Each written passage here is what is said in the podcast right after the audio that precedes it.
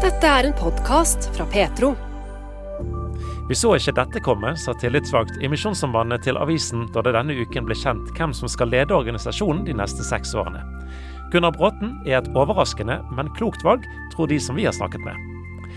Mentale sykdommer er en ekstra stor utfordring i Afrika fordi det er knyttet så masse til overtro, sier overlege Torbjørg Jensen, som bruker kunnskap og undervisning av helsepersonell på kontinentet til å bedre situasjonen. Og hvordan reagerer man når noe som er 100% umulig, likevel skjer rett foran øynene dine? Frode Sandal reflekterer over en fjelltur helt utenom det vanlige, avslutningsvis i denne podkasten Petro-uken oppsummert, uke seks. Men først skal vi til situasjonen i Tyrkia og Syria etter de svært kraftige jordskjelvene som skjedde der natt til mandag og mandag formiddag 6. februar. Antall omkomne og skadde stiger fremdeles, og situasjonen er heller ikke god for de som sitter igjen og kanskje har skadde hus som de ikke kan bo i. Kirker i Syria brukes nå som tilflukt og som hjelpestasjoner for jordskjelvofre. Bare i én av kirkene i kystbyen Latakia søkte over 1000 mennesker tilflukt tidligere denne uken. Ole Petter Erlandsen er faglig leder i Åpne dører, som har et stort kontaktnett i Syria. Ja, Vi er jo tett på i forhold til det kirkenettverket som eh, Åpne dører har bygd opp gjennom 30 år i, eh, i Syria. Så, eh, så, vi har både videoer og historier om hvordan de kirkene åpner så fort de kan og har mennesker som ikke tør å bo hjemme, som ikke har mat, som ikke har klær, og gir dem det de trenger. Så vi har lovt å finansiere det, og vi har satt i gang en innsamlingsaksjon for å, for å finansiere det. Og Det med, med at folk ikke våger å bo, bo hjemme, det gjelder veldig mange mennesker eh, både i Tyrkia og i Syria nå? Ja, og definitivt. Og det gjelder jo de som er stab for, altså de som er ansatt for å åpne dørene der. Og de sier også vi tør ikke bo hjemme, men samtidig jobben vår er å være her og hjelpe. Så de, de er både rammet av, av jordskjelv, og de er, de, er, eh, de, er, de er med og hjelper. Hvordan påvirker det hva en kan og ikke kan gjøre? Ja, Det er vel sikkert sånn at i en sånn situasjon så, så gjør man det som trengs. Altså Man, man jobber og, og, gjør det som hele tiden er nødvendig, og så får man reaksjonen etterpå. Så vi har jo, eh, vi har jo i dette håpsenteropplegget som, som vi har sammen med syriske menigheter, så er også traume, traumearbeid en del av det. Og, og, mange av disse vil jo trenge oppfølging og samtaler til, i forbindelse med traumer, også av de som er med og hjelper til. Men Foreløpig så er en vel i en sånn slags førstehjelps-, nødhjelpssituasjon. Hva slags type hjelp eh, er det apparatet som Åpne dører støtter, kan bidra med per nå?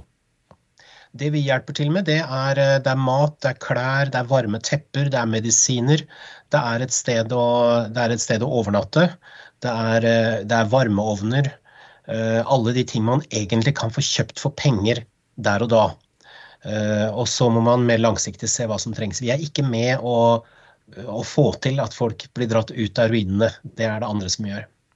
Du nevner varmeovner. En katastrofe kommer jo aldri på, på et gunstig tidspunkt. Men, men eh, det at det er vinter, gjør dette enda vanskeligere? Ja, det er meldt eh, minusgrader i mer eller mindre hele området her. Så, så, det er absolutt verst tenkelig tidspunkt. Det er også det verst tenkelige stedet i, i Syria, fordi Nord-Syria er såpass preget av krigen fortsatt, og med uavklarte konfliktlinjer, egentlig. Men Du nevnte eh, ordet håpssenter her. Eh, for Det er jo en skal vi kalle det, en, en hjelpestruktur som har vært der i god tid før eh, det som nå skjedde. Eh, hva, ja. hva, er dette for noe?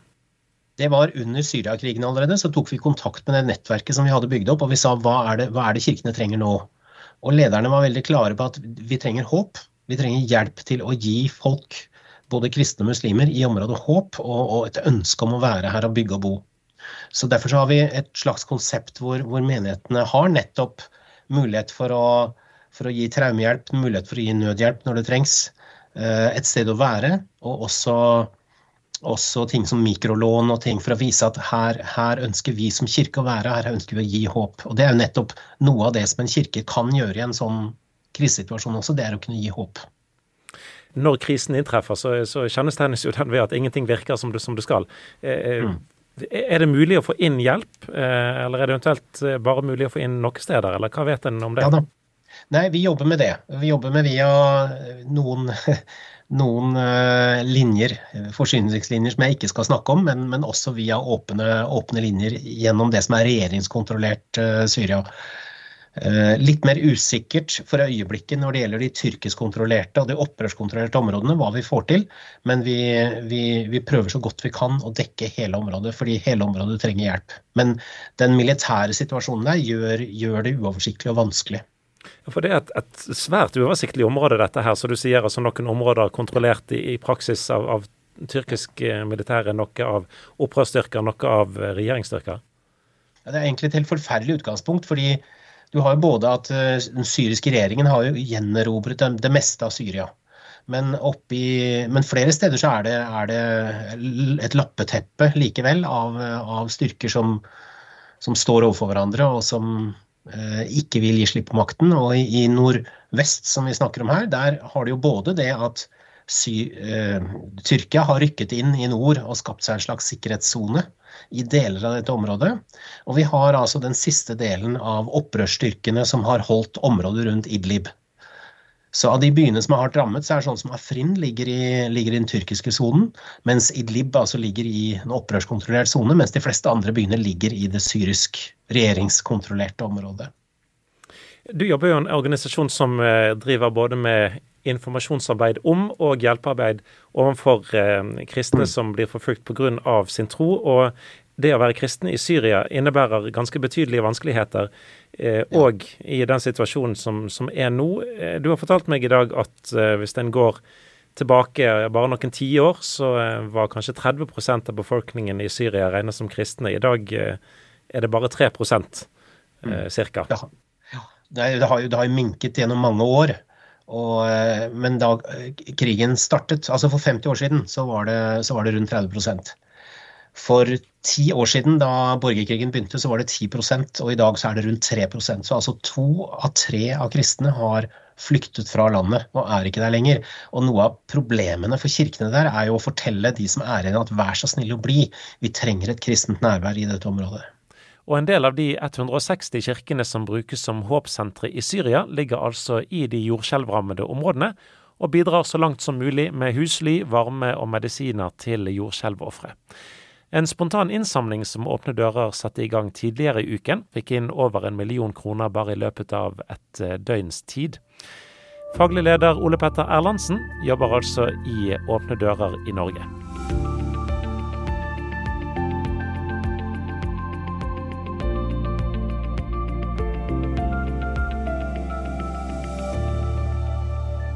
Torbjørg Jensen arbeider til daglig som overlege i psykiatri ved Sørlandet sykehus i Kristiansand.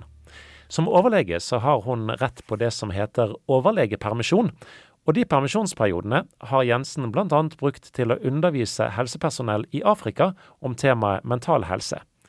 Det er en undervisning som har skjedd i regi av hjelpeorganisasjonen Mercy Ships, Kollega Ellen Sørlien har møtt Torbjørg Jensen, og vi starter med å høre litt av bakgrunnen til organisasjonen Mercy Ships, som ble grunnlagt for 45 år siden. Ja, Mercy Ship det er en organisasjon som ble grunnlagt i 78 av en amerikaner som heter Don Stevens og kona. Og de så jo behovet for medisinsk hjelp, spesielt da i Afrika, også i Asia. Og så så de at det ville vært veldig lurt å gi medisinsk hjelp fra en båt, for da kunne en besøke så veldig mange forskjellige land. Og på den måten var det at de først kjøpte én båt, og så innreda som en slags sykehus. Og så etter hvert kjøpte de en båt til, og det var forskjellige båter. Og på 90-tallet så var det jo bl.a. Anastasis, som også var her i Kristiansand. Men fra 2000-tallet så ble de enige om å bare ha én båt, som heter African Mercy, og det er der jeg har vært. Men i fjor ble den andre båten ferdig, en flott, svær ny båt som heter Global Mercy.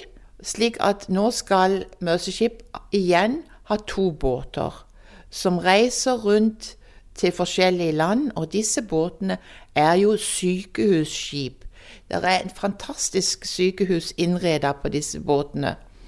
Men Reiser de bare rundt på det afrikanske kontinent? Foreløpig er det på det afrikanske kontinent. Det er der de ser behovene er størst. Så vil en jo se etter hvert om de også De har jo tenkt seg kanskje til Sørøst-Asia. Men foreløpig er det afrikanske kontinentet som trenger så mye hjelp at det vil ikke være vanskelig for begge båtene å få nok å gjøre. Du nevnte at på 1990-tallet så var de òg til havn i Kristiansand, Anastasis. Men, men hvorfor var de her i landet? De var her i landet for å gi informasjon om Mercyship For å få folk til å jobbe der. For dette er jo sånn at alle jobber der frivillig. De lønner ikke noen av disse medarbeiderne. Og de var også her for å få masse sykehusutstyr som blir donert. Og det var grunnen til at eh, disse to grunnene var at det kom til Kristiansand på 90-tallet. Og dette med frivillighet. Du jobber jo òg frivillig inn mot Mercyship. Du er til daglig overlege i psykiatri på Sørlandet sykehus i, i Kristiansand. Hvordan kom du i kontakt med Mercyship?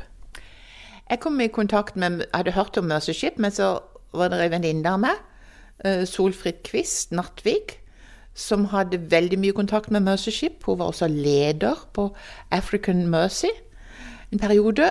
Og så fortalte hun meg at nå har vi også starta et mental helseteam på Mercyship. Kan du tenke deg å være med på dette? Og sånt var det jeg kom i kontakt med Mercyship første gang.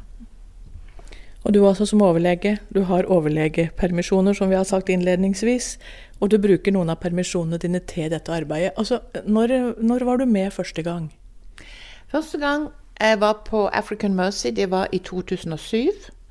Da var vi i Liberia. Og dette mental helseteamet det ledes av en amerikansk psykolog. Og hun legger da et opplegg for hva vi skal gjøre. Og vi holder da kurs for nasjonale helsearbeidere om mentale sykdommer. Og det er jo en veldig stor utfordring i Afrika, ettersom mentale sykdommer er knytta så mye til overtro. Og pasienter som lider av mentale sykdommer, får ofte da en veldig dårlig behandling. Du nevner ett land, Liberia, men du har vært i flere land?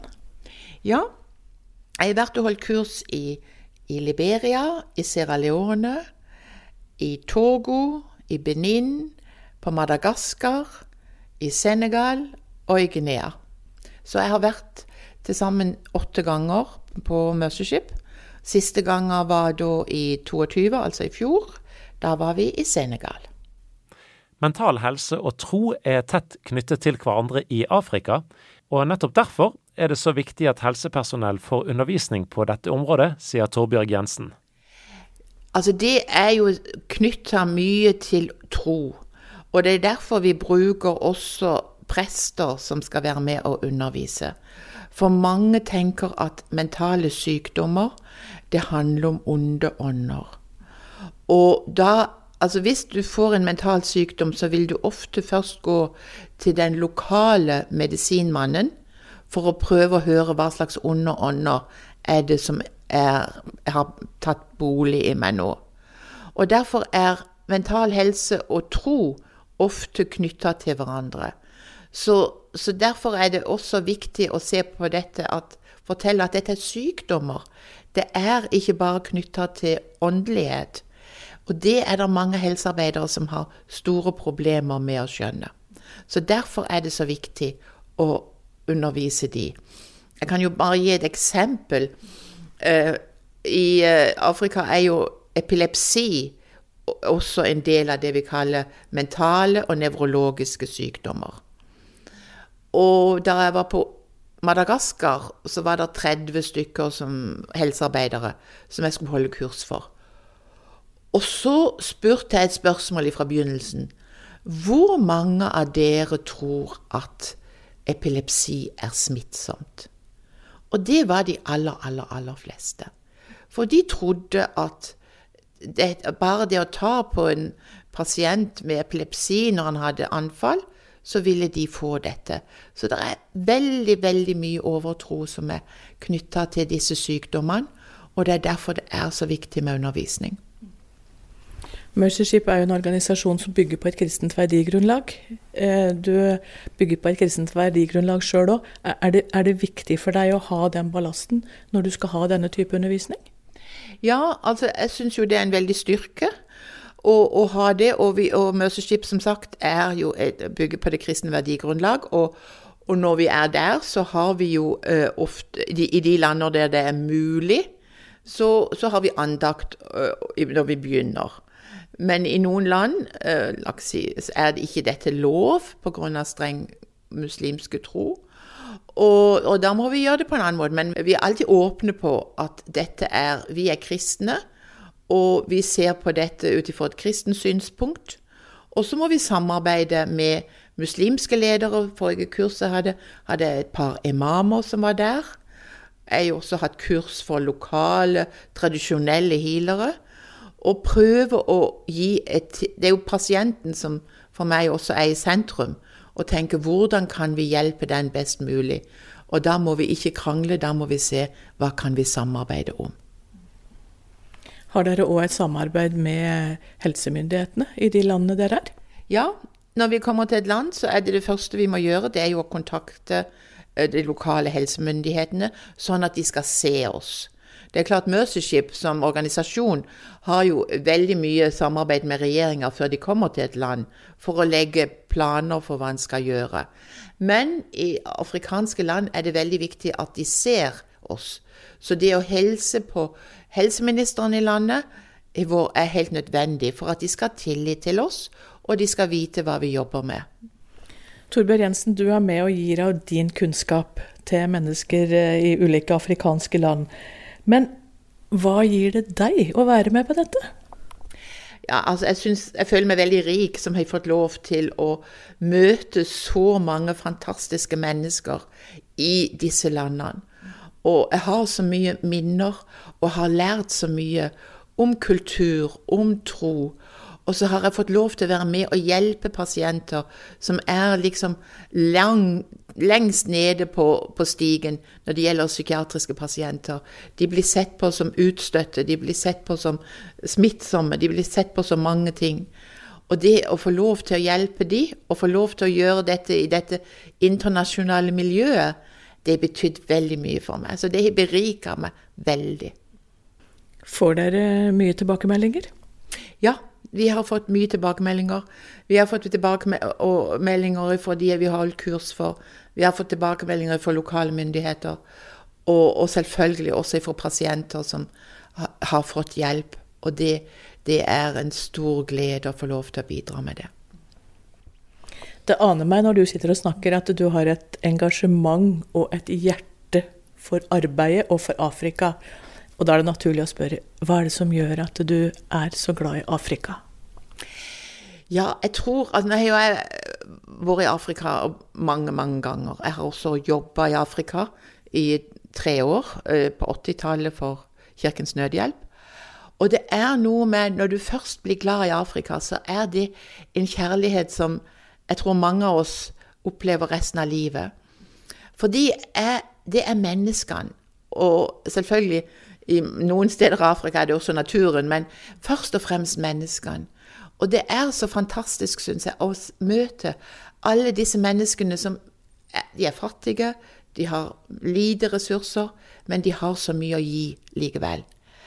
Så jeg tenker litt sånn Jeg sier mange ganger i Norge så Vi har alt, men det er alt vi har, som det jo er blitt sagt. Men i Afrika, der har de lite av materielle ressurser, men de har så mye kjærlighet å gi. Den gleden en møter, den, den latteren, den humoren og den kjærligheten, den omsorgen Selv om de ikke har noe, så kommer de og gir noe likevel. Og det tenker jeg, det har gitt meg så mye glede i livet og så mye kjærlighet at jeg føler liksom Og så er de liksom Det er masse glede. Så jeg føler liksom når jeg lander i Afrika, så føler jeg åh, her er jeg hjemme. Her kan jeg le mye. Her kan jeg prate. Her kan jeg bruke hender og ben. Her lever vi. Og det gir meg mye glede. Det sa Torbjørg Jensen, som i regi av Mercy Ships altså er med i et team som holder kurs om mental helse for afrikanske helsearbeidere. Foruten eh, Torbjørg Jensen, så inneholder òg teamet medlemmer fra USA, fra Kamerun og fra Togo. Takk for at du lytter til denne podkasten fra Petro. Liker du det du hører, setter vi pris på om du tipser andre om radiosendinger og podkaster fra Petro. Du finner oss på DAB, og både radiosendinger og podkaster er tilgjengelige i Petro-appen, som enkelt lastes ned fra Google Play eller AppStore. Tirsdag denne uken ble det kjent at hovedstyret i Misjonssambandet enstemmig har valgt Gunnar Bråten som ny generalsekretær. Han blir ansatt fra 1.6 i et åremål på seks år. Bråten er i dag prost i Den norske kirke, og har òg vært fungerende biskop i Sør-Hålogaland i en periode fram til nyttår. Tidligere har han òg vært rektor på Misjonssambandet sin bibelskole Fjellheim i Tromsø.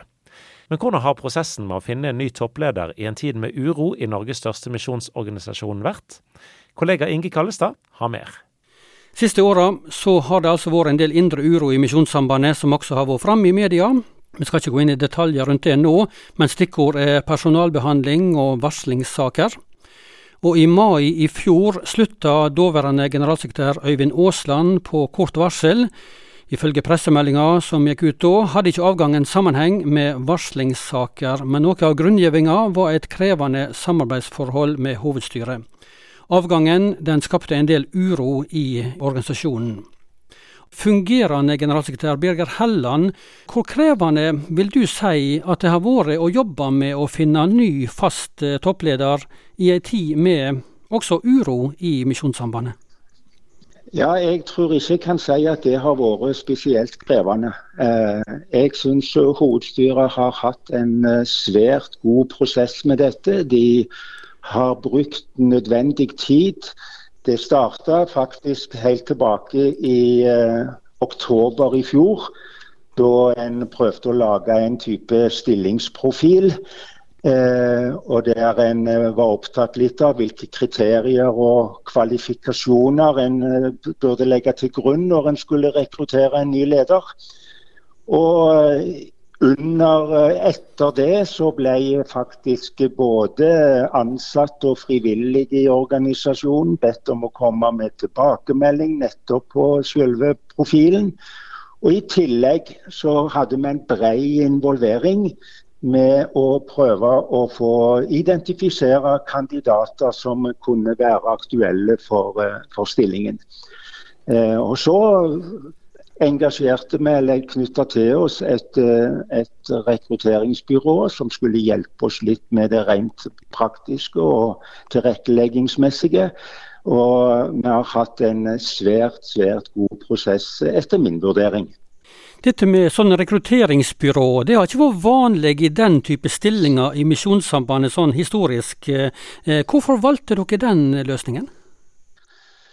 Nei, Vi valgte den fordi at vi ønsket å gjøre dette på en, på en så på en måte, objektiv eh, måte som mulig. Og det er klart det å rekruttere medarbeidere det som skal ha på en måte Ja, der det er en, mange egenskaper som skal vurderes, så sitter ikke alle de som på en måte i innstillingsutvalget med erfaringsbakgrunn for å kunne gjøre slike vurderinger. Da var det veldig godt å få noen innspill utenfra.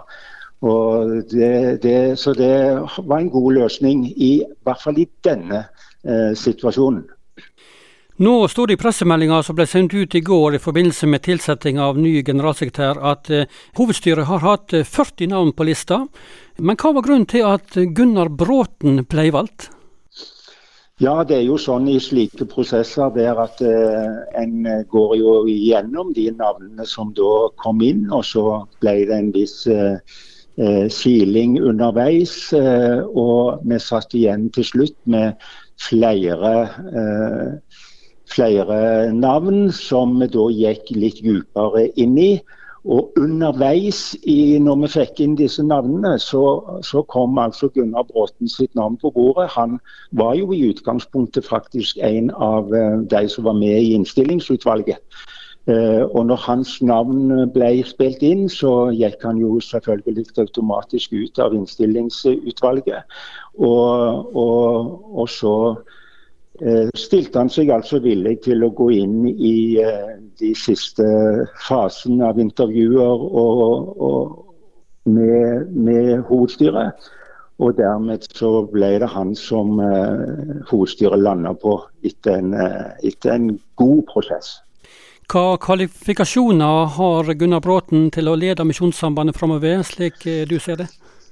Ja, han har eh, først og fremst så har han jo både formell kompetanse, i betydning at han eh, har lang erfaring som formidler, som teolog og som leder. Eh, han, har, han er jo teologisk utdanna. Han var i mange år rektor på Fjellheim bibelskole. Og han har også hatt mange styreverv i eh, NLM i, opp gjennom året. Og er faktisk nå også styreleder på Fjellheim bibelskole. Eh, han har jo òg deltatt i mye frivillig engasjement eh, i mange år. Eh, ja, hele sitt liv faktisk i organisasjonen. Eh, og det er klart at nå når han de siste åra har, eh, har, vært prost eh, og ansatt i Den norske kirke, så har han også der fått mye ledererfaring gjennom eh, bl.a. personalhåndtering og, eh, og, og, det å være leder eh, i, for, for andre. Eh, dette med hans eh, bakgrunn nå som, som prest og, og, som prost i Den norske kirke, også som fungerende biskop i perioder.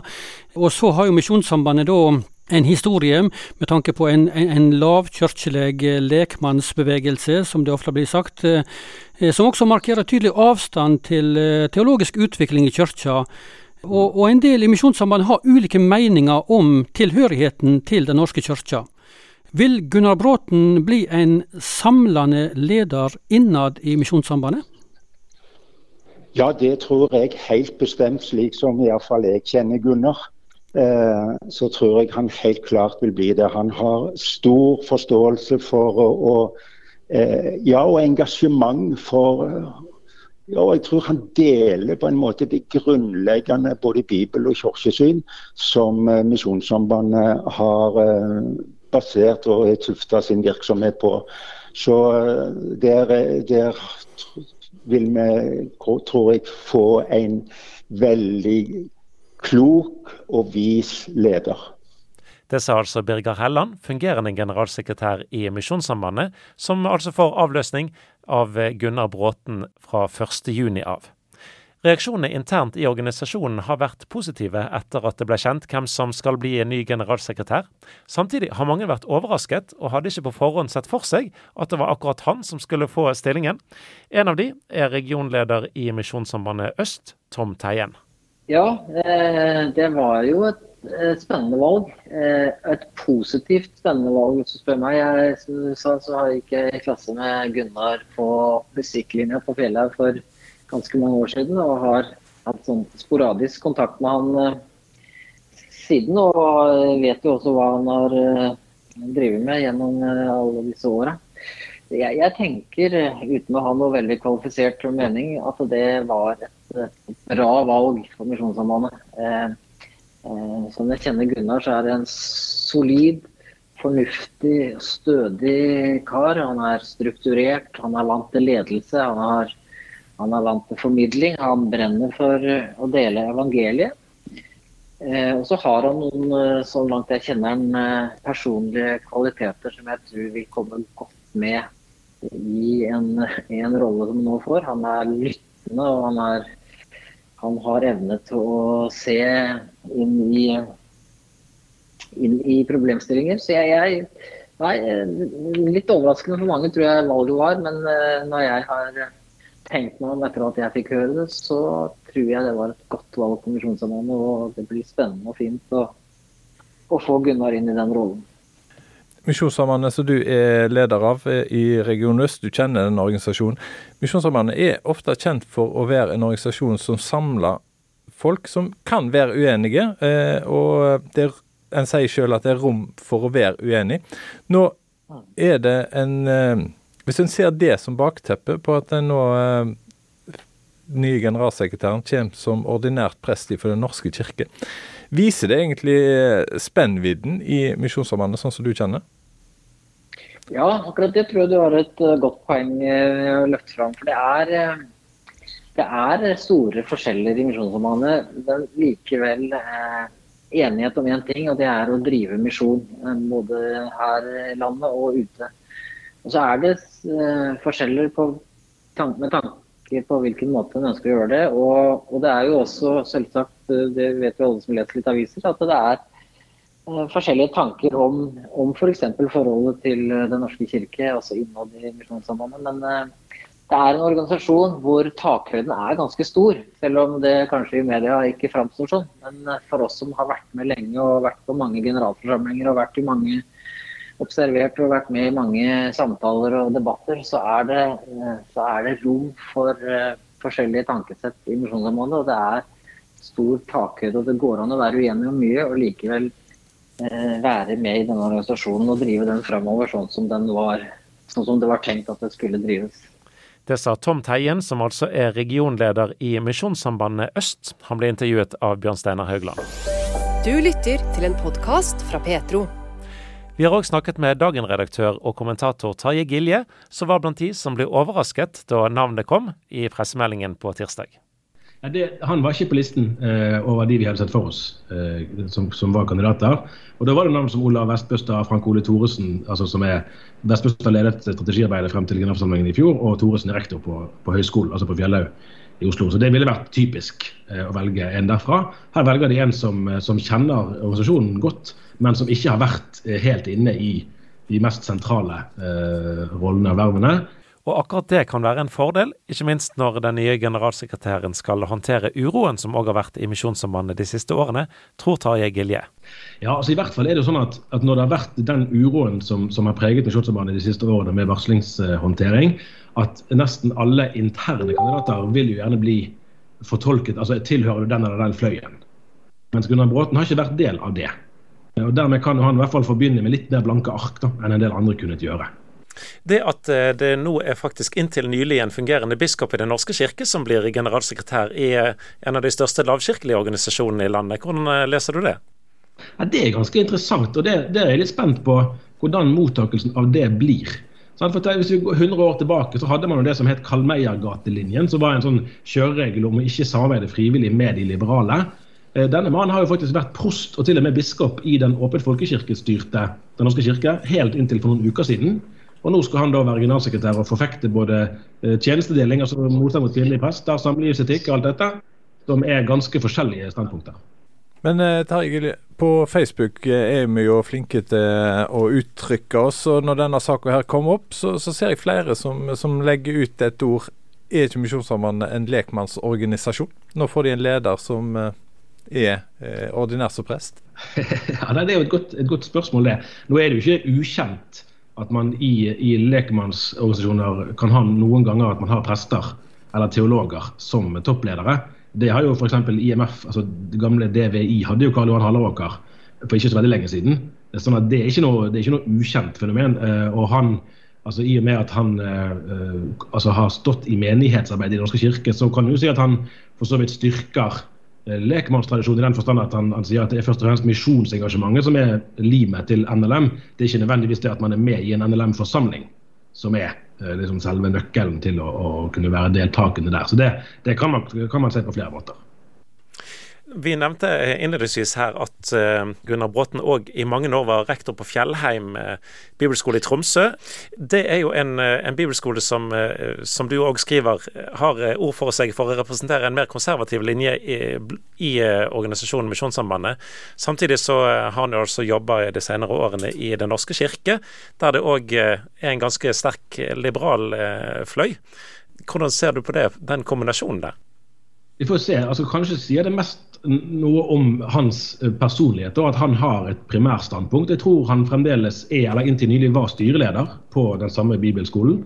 Eh, som, som du sier, så vidt jeg har forstått, det, har rykte på seg for å være blant de mer konservative i Misjonssambandet, som har rekruttert mange elever fra Rogaland, som regnes for å være liksom selve det konservative flaggskipet. Så han står gjerne i utgangspunktet i den, i den, grenen av organisasjonen, men han samtidig da er mer pragmatisk innstilt til samarbeid. Da. Og Dette er jo i tydelig kontrast til Øyvind Aasland, hans forgjenger, som jo meldte seg ut av Den norske kirke allerede i 2016. Men, men det med å kunne stå i uenighet eh, er jo kanskje en egenskap eller en erfaring han kan få nytte av i, i Misjonssambandet, for det har jo vært eh, ganske masse støy i Misjonssambandet internt de siste årene? Helt klart. helt klart. Og, Han nevner jo selv både i, i eh, kandidatpresentasjonen til Utsyn i april før, før hovedstyrevalget at han hadde erfaring fra personalhåndtering. og Det ligger jo i sakens natur når en er prost, som er på en måte det høyeste ledersjiktet i Den norske kirke under biskoper at han har nok måttet håndtere vanskelige personalsaker og vanskelige konfliktsituasjoner før. Og den erfaringen er jo alltid nyttig når man skal være toppleder. Når han nå går inn, eh, eller i juni da, skal gå inn som eh, generalsekretær i Misjonssambandet, så eh, har han òg samtidig trådt ut av hovedstyret i organisasjonen der han ble innvalgt ved generalforsamlingen sist, sist, sommer. Den gang så var han en av de kandidatene som fikk flest stemmer som, til å gå inn i hovedstyret. Og når hovedstyret nå skulle velge hvem som skal bli generalsekretær, ja, så ble det altså et enstemmig valg om Gunnar Braten. Så det betyr vel at han har et eh, bra votum bak seg her, eh, både på eh, skal vi si, grunnplanen og topplan i organisasjonen? Akkurat det, Han har jo et sjelden sterkt mandat. det er jo, skal ikke vi dra sammenligningen for langt, men når Øyvind Aasland ble valgt i 2010, så var det jo minimalt flertall. Det var bare én stemmes overvekt som gjorde at hovedstyret valgte han. Her er det et enstemmig hovedstyre. det er det. Og så var det vel, Jeg tror han fikk 405 stemmer eh, på generalforsamlingen som var til hovedstyret. riktignok. De har jo ikke valgt han som generalsekretær, altså generalforsamlingen, men det var bare Knut Espeland, dagens formann, som fikk tror jeg, fem stemmer flere. Så dette var liksom de som var mest populære da, blant delegatene. Og det gir han jo. altså Han har i hvert fall fått en generell tillitserklæring fra misjonsfolket, som, som, må ha noe å si òg for hans inntreden i rollen. da. Kan det tenkes eh, avslutningsvis at uh, Misjonssambandet med ny leder uh, seiler mot litt smulere farvann? Ja, det hadde i hvert fall vært å håpe. Det som Han sa jo det at, at vi må ta lærdom av vanskelighetene, så må vi etablere bedre rutiner, og så må vi komme oss videre. Det var det han sa i april. Eh, og Hvis han klarer det, eh, så, så, vil jo han eh, bare med det alene ha utrettet mye. Han, har, altså han er 59 år, åremål på seks år. Mest sannsynlig blir det jo den ene åremålsperioden. Det kan jo bli en til, men da blir han godt voksen når han er verdig. Så kanskje er det seks år, men på de årene så har han mulighet til å få gjort veldig mye. Det sa Tarjei Gilje, debattredaktør og kommentator i avisen Dagen. Og med det så skal vi forlate utnevnelsen av ny generalsekretær i Misjonssambandet, bortsett fra at vi skal eh, nevne at vi selvfølgelig har forsøkt denne uken å få en kommentar fra Gunnar Bråten sjøl, uten å lykkes eh, med det. Men i en pressemelding Misjonssambandet sendte ut på tirsdag, så sier Bråten at han ser fram til å gå inn i oppgaven som generalsekretær, og kjenner både på takknemlighet og ydmykhet. Han ser på tjenesten som eh, generalsekretær som en virkeliggjøring av kallet om å dele evangeliet, og sier følgende det opplever jeg å ha gjort gjennom tjenesten i Den norske kirke, men nå blir det spisset inn mot å bringe evangeliet til de minst nådde, sier altså Gunnar Bråten. Du lytter til en podkast fra Petro. Vi ønsker å formidle tro, rotfestet, redelig, reflektert og relevant, slik at du blir inspirert til etterfølgelse av Jesus. I tillegg til podkaster og webradio kan du høre Petro på DAB 24-7 mange steder i landet. Vi kom fram til siste etappe i denne utgaven av Petro-uken oppsummert, og overskriften er refleksjon. Dette er en serie som vi hver uke har på Petro, i sendingene våre og her i podkasten, der vi ber en person om å lese bibeltekstene som Den norske kirke skal bruke i sine gudstjenester kommende søndag, og så gjøre seg noen tanker rundt det. Og den som har eh, fått jobben og tatt den denne uken, det er Frode Sandal. Han har bl.a. lest bibelhistorien der Jesus tar med seg noen av disiplene sine opp på et fjell, og han får lysende klær. Og Moses og Elias, altså tidligere profeter i den israelske historien, viser seg òg på fjellet og snakker med Jesus der. Dette er bakgrunnen for at det altså handler om en helt spesiell fjelltur i refleksjon denne uken. Hei. De neste minuttene skal handle om en fjelltur helt utenom det vanlige. Men først. I forrige uke var jeg så heldig å få være med til Thailand sammen med noen eh, fra kirka som jeg går i. Det er jammen ikke hver dag for en enkel sjel fra Stavanger. Men sånn var det altså i forrige uke. 30 grader, sol, vindstille, enorme mengder med biler og mopeder, og mange, mange smilende, fine folk. Jeg heter Frode og har gleden av å snakke litt her på radioen hver dag denne uka, og det gleder jeg meg til. I Bangkok var det omtrent like varmt som når du kommer opp på en bratt fjelltopp på Vestlandet en fin sommerdag. Du kjenner følelsen. Varm i kroppen, du gleder deg til Kvikk Lunsj, kaffe og cola. Etter nistepakken, selvfølgelig. Vi er jo godt oppdratt. Sola skinner, du er med familie eller gode venner. Stemningen er god. Hvorfor klatrer vi opp på fjellet, egentlig? Er det turen? Er det anstrengelsen? Eller er det utsikten? Det å se noe fra en annen vinkel, på en annen måte. Teksten som leses på søndag i kirka, handler om en voldsomt spesiell fjelltur. I historien finner du Jesus, Peter, Jakob og Johannes.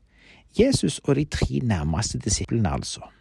Jesus tok de opp på fjellet for å vise de, de aller nærmeste vennene hvem han egentlig er. Det må ha vært litt av en opplevelse. Moses var der, Elia var der, du har gjerne hørt denne historien før. Plutselig så dukker Gud opp i historien, på fjellturen noe utenom det vanlige. En lysende sky kommer og skygger over dem, og en stemme lyder fra skyen, står det i Bibelen. Og stemmen sa, Dette er min sønn, den elskede. I han har jeg velbehag, hør på han. Historien ender med at Moses er vekke. Det samme er Elia, kun Jesus er igjen. Han som tilbyr deg og meg sin fred. Det må ha vært litt av en fjelltur, og litt av en opplevelse å ta med seg ned til hverdagen der nede i bunnen av fjellet. En fjellturopplevelse sammen med Gud, altså. Har du hatt en fjelltoppopplevelse sammen med Gud? Der du var sammen med Han, der du oppdagte noe nytt?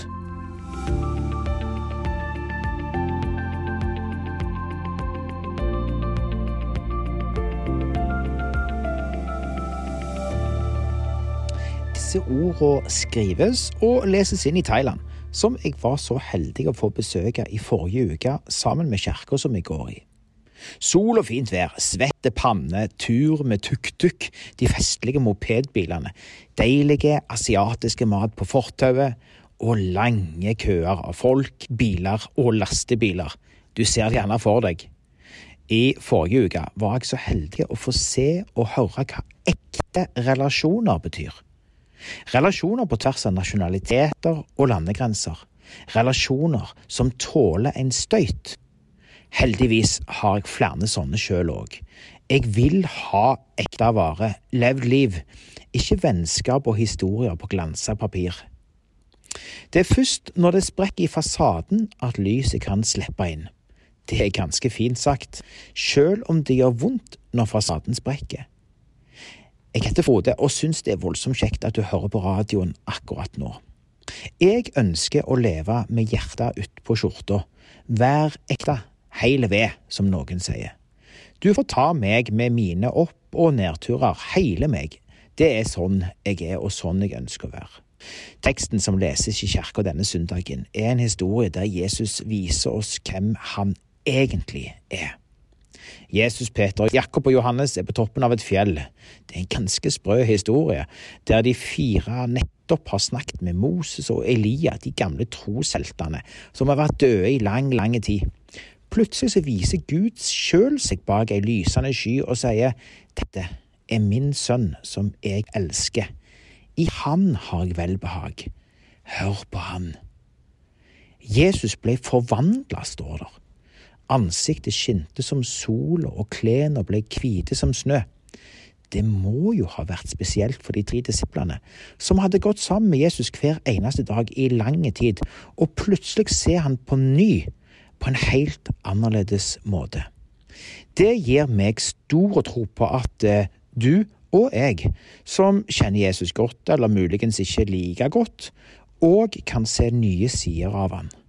Sider som gjør at han blir forvandla. Sider som gjør at du oppdager friheten han har gitt deg da han døde på korset for deg, fordi han elsker deg. Peter, Jakob og Johannes ble livredde på fjelltoppen. Jeg tror de lå på bakken og skalv av frykt. Og Jesus sa, stå opp, frykt ikke. Det sier Jesus til deg òg. Stå opp og frykt ikke.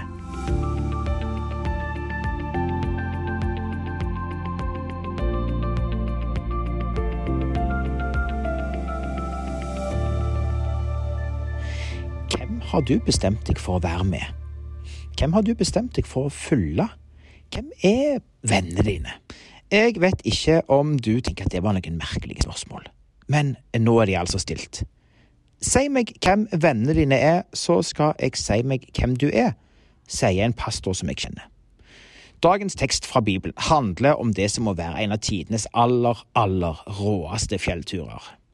Jesus har spurt eh, sine tre nærmeste venner, Peter, Jakob og Johannes, om å være med på fjelltur. Jeg aner ikke om Peter likte å gå på tur, eller om han gjorde det kun fordi de to andre ble med. Uansett, de tre var valgt ut av Jesus til å få en opplevelse helt utenom det vanlige. Hadde ikke han tolv disipler da? Hva i all verden gjorde de ni andre da trikløveret klatra oppover fjellet i retning av en kaffekopp og Kvikk Lunsj på toppen? Det sier historien ingenting om. Vi aner ikke om de sov, om de jobba, om de hadde en ovale weekend. Vi har ikke peiling. Men det vi vet, var at Peter, Jakob og Johannes var utvalgt til å være med nettopp her, opp på fjellet, for å se hvem Jesus egentlig er.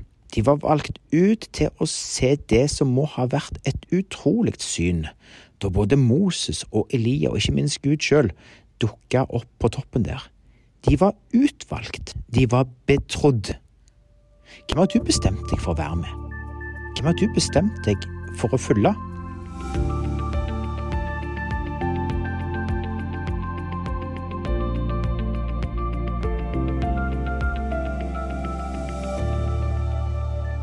Jeg kjenner ei dame som heter Randi.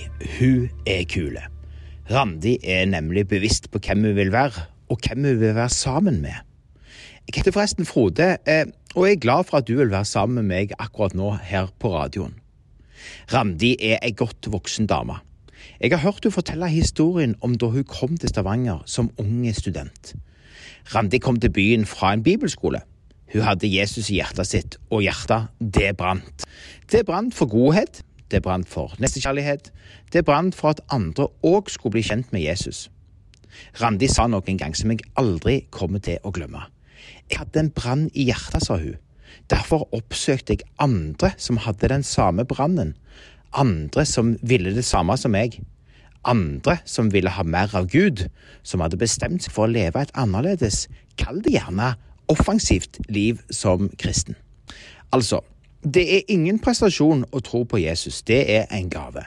Og jeg kan skrive under på at det går opp og ned i en kristens liv òg. Poenget her, det er viljen. Poenget er ønsket om å leve annerledes. Poenget er å ha folk rundt deg som brenner for det samme som deg. Der blir jeg inspirert av Randi. Hva betyr mest for deg i livet? Hva gjør du for at det som virkelig betyr noe for deg, skal vokse seg sterkere? Og ikke minst, hvem er du sammen med som gjør at du kommer til å lykkes?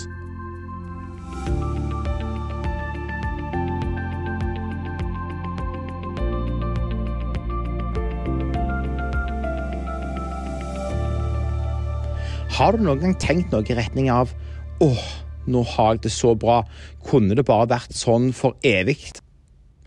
Denne uka har jeg snakket om en utrolig spesiell historie, historie, i Bibelen. Om da Jesu herlighet ble åpenbart på det som må ha vært tidenes fjelltur. Scenen er omtrent som denne. Jesus har spurt Peter, Jakob og Johannes om å være med opp på et fjell. Det sies at det er et høyt fjell, men ingenting om hvor bratt det er, eller hvor varmt det er, eller hvor utrolig strevsomt det er å gå opp. Det er en fjelltopp, ferdig med den saken. Der oppe skjer det utrolige. Jesus blir forvandla. Ansiktet skinner som sol, klærne blir hvite som snø, og plutselig kommer både Moses og Elia fram, to markante skikkelser i bibelhistorien, to menn som har vært døde i mange, mange år. De to kommer. Det samme gjør Gud, som peker på Jesus og sier at dette er min sønn, han som jeg elsker, og følg ham. Det må jo ha vært en fantastisk opplevelse. Akkurat her i historien, altså, tar Peter ordet og spør Jesus om de ikke like godt kan bygge noen hytter der oppe på fjellet. Ei hytte til hver av hovedpersonene, Moses, Elia og Jesus. For å si det sånn, det ble ikke bygd noen hytter. Det var nemlig ikke tre hovedpersoner i fortellingen, men én.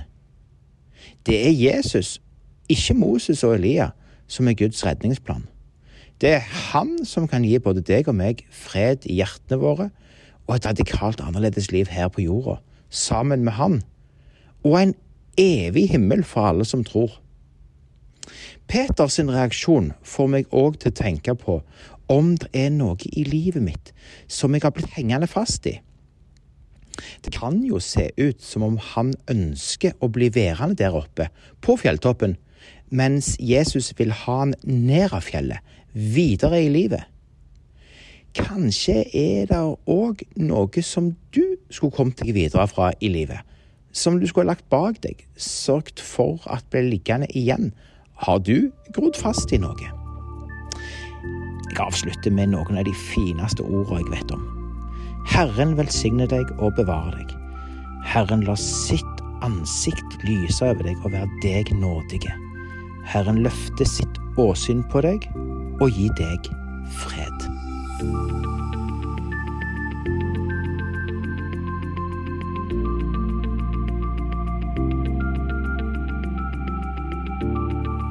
Du hørte Frode Sandal, som altså var med oss i serien Refleksjon denne uken. Og med det så var Petro-uken ferdig oppsummert for denne gang. Vi er tilbake med en ny podkast om en uke. Jeg heter Bjørn Inge Sakstad. Vi høres.